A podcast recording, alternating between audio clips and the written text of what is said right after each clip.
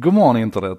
Idag blir det nya En sak idag när det är som allra bäst. Det finns en nyhetskrok, det finns ett ämne som angår alla och jag har fått tag på och bjudit in en expert som verkligen kan ge oss kött på benen i det här ämnet.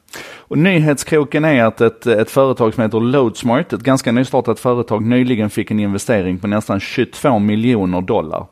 Och det de gör det är att de går in i logistikbranschen och hjälper till att mäkla ihop eh, lediga platser i lastbilar med eh, eh, material som behöver transporteras. Eh, och de gör det här med mycket AI och tittar man på deras siffror och sånt så ser det fantastiskt ut. Och 22 miljoner dollar bland annat ifrån traditionella företag som Maersk, det känns ju som en jätteinvestering. Men det vi då ska komma ihåg det är att hela den här logistikbranschen globalt omsätter ungefär 8 triljoner dollar. Och man siktar på nästan en fördubbling fram till 2022. Så det här är stort och det angår oss alla, inte bara när vi skriker högt över att Postmord inte levererar. Och vem är då bäst i Sverige på att prata om detta? Jag tror att det är P.O. Arnäs, så här får ni honom. Vad är framtiden för logistiken? Digitalisering, automation och elektrifiering. Ja, tre grejer. Eh, nej men det är så enkelt att, att logistikbranschen är full av fasta resurser. Eh, fordon, vägar, infrastruktur, eh, lastkajer, lagerbyggnader, stora balansräkningar eh, och man kan fortfarande inte mejla ett lass grus till någon. Man måste faktiskt flytta på det fysiskt och någon måste investera i den resursen som gör det. Och den resursen vill vi använda så mycket som möjligt. Och framförallt aldrig använda på fel sätt. Och då kommer vi in till ett läge där vi måste lära oss att fatta bättre beslut. Och det gör man genom att fatta datadrivna beslut naturligtvis. Eh, och det är det som man ser som är den stora utvecklingsfronten vad gäller digitalisering. Och sen vill man automatisera för att människan är väldigt dyr. Största kostnaden för ett åkeri är föraren i en lastbil till exempel. Och sen eh, vill man elektrifiera av hållbarhetsskäl men också av kostnadsskäl. Eh, och det är vägen framåt om man ser på energiförsörjningssystemet. Då. Så att eh, de tre trenderna eh, bakas nu allt oftare ihop i samma tjänst eller samma produkt eller samma lösning. Och då ser man att då upplever vi att det går väldigt, väldigt fort. Hur kommer det här att se ut rent praktiskt för, för mig som människa? Vad kommer att hända på vägarna? Jag tror på vägarna kommer vi nog inte att se sådär jättestor skillnad. Eh, ja, vi kommer att se på motorvägarna kommer vi på sikt att se autonoma transportfordon.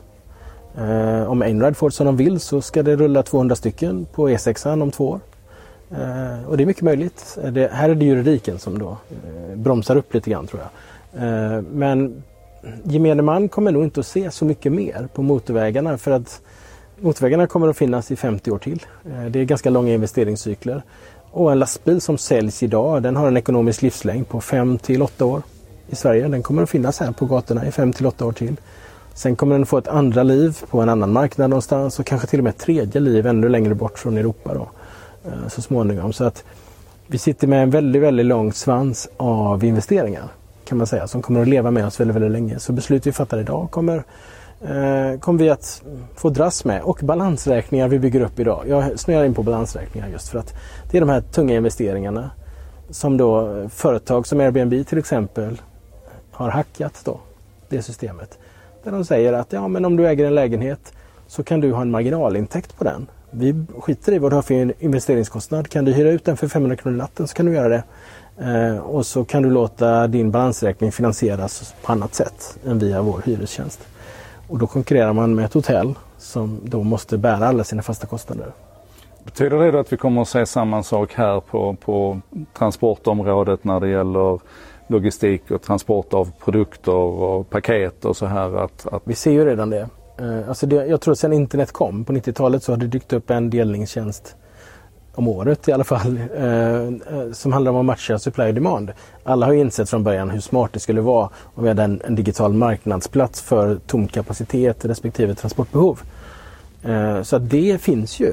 Eh, om, om, en enbilsåkare ska åka från Helsingborg till Madrid brukar jag ha som exempel och eh, någon timme innan lossning så kan den här, den här chauffören som oftast äger sin egen bil då, gå in på en marknadsplats och hitta att ja, men Procter Gamble vill ha en retur till Hamburg.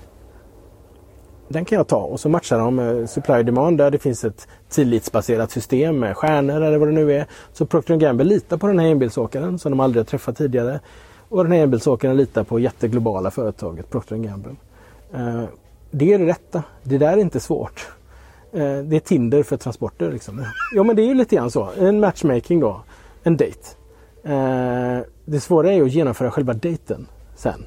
Då ska den här enbilsåkaren bli en digital eh, Eh, medborgare i Procter Gambles jättekomplexa digitala ekosystem under 12 timmar eller 8 timmar och sen ska de skiljas åt som vänner och ge varandra betyg.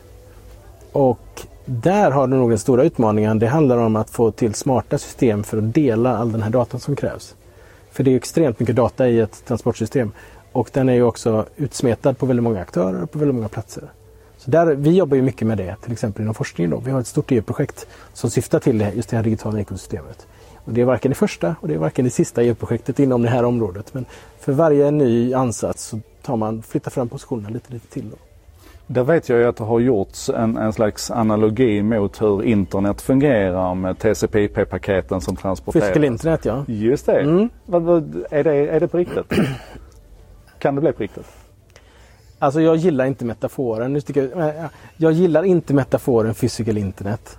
För att eh, den fallerar på så många olika... Alltså analogierna håller inte hela vägen. Det här med att man inte har en kostnad för att skicka iväg ett paket då. Att man skickar bara på nytt om det skulle bli fel. Så funkar det ju inte i logistiken. Utan det, det, lyckas man inte då är det ganska dyrt för de som misslyckas. Eh, men hela idén med physical internet, ta bort namnet då och titta på att det ska vara ett, ett till stora delar automatiserat transportsystem med moduler och där man inte riktigt ska veta eh, hur saker går till. Utan man ska putta in något i ena änden och så ska det poppa ut i andra. Det brukar, jag, jag har fått information om att jag är nog, jag felciterar nog Otto Bismarck för jag tror inte det är han som har sagt detta men man vill inte veta hur korv och lagar tillverkas. Och det är väl lite grann så man ser på det här med Fysikal internet då att, att eh, ur ett varuägarperspektiv Tar man de stora transportköparna, tar man Procter Gamble och Apple och andra. Ja, de ser det nog så. Logistiksystemet ska leverera en dörr-till-dörr-tjänst eh, och skiter lite grann hur det går till. Det gör ju svenska speditörer redan i, i Norrland till exempel. Där samarbetar de ju. Även om du köper en skänketransport så kanske det är DHL som levererar den. På grund av att, eh, att det är så stora avstånd och det kostar så mycket att göra tjänsten. Producera lag? Ja, mm. lite grann så. Så att eh, det här är det transportindustrin det är problemet man hela tiden har försökt lösa. Men man sitter ju på lite för låg systemnivå för att kunna fatta de här riktigt informerade besluten. Och då ser man nya aktörer kommer in som lägger sig på en, en överordnad nivå som har in, ingen balansräkning då. Ett antal smartskallar som har hittat en long tail of eh, demand och en short tail of supply som de kan hacka. Och som är duktiga på att bygga trust med hjälp av? Exakt. Mm. Jättebra. Sista frågan var, det pratas ju så oerhört mycket om jobben i transportindustrin. Man har väl pratat om en miljon jobb som ska försvinna i USA, mm. alla de här lastbilschaufförerna. Är det på riktigt? Alltså, med det sagt att lastbilarna kommer att finna, finnas hos oss väldigt länge. Även om de kommer att försvinna på till exempel motorvägstransporter hubb till hubb. Det, de är så lätta att automatisera.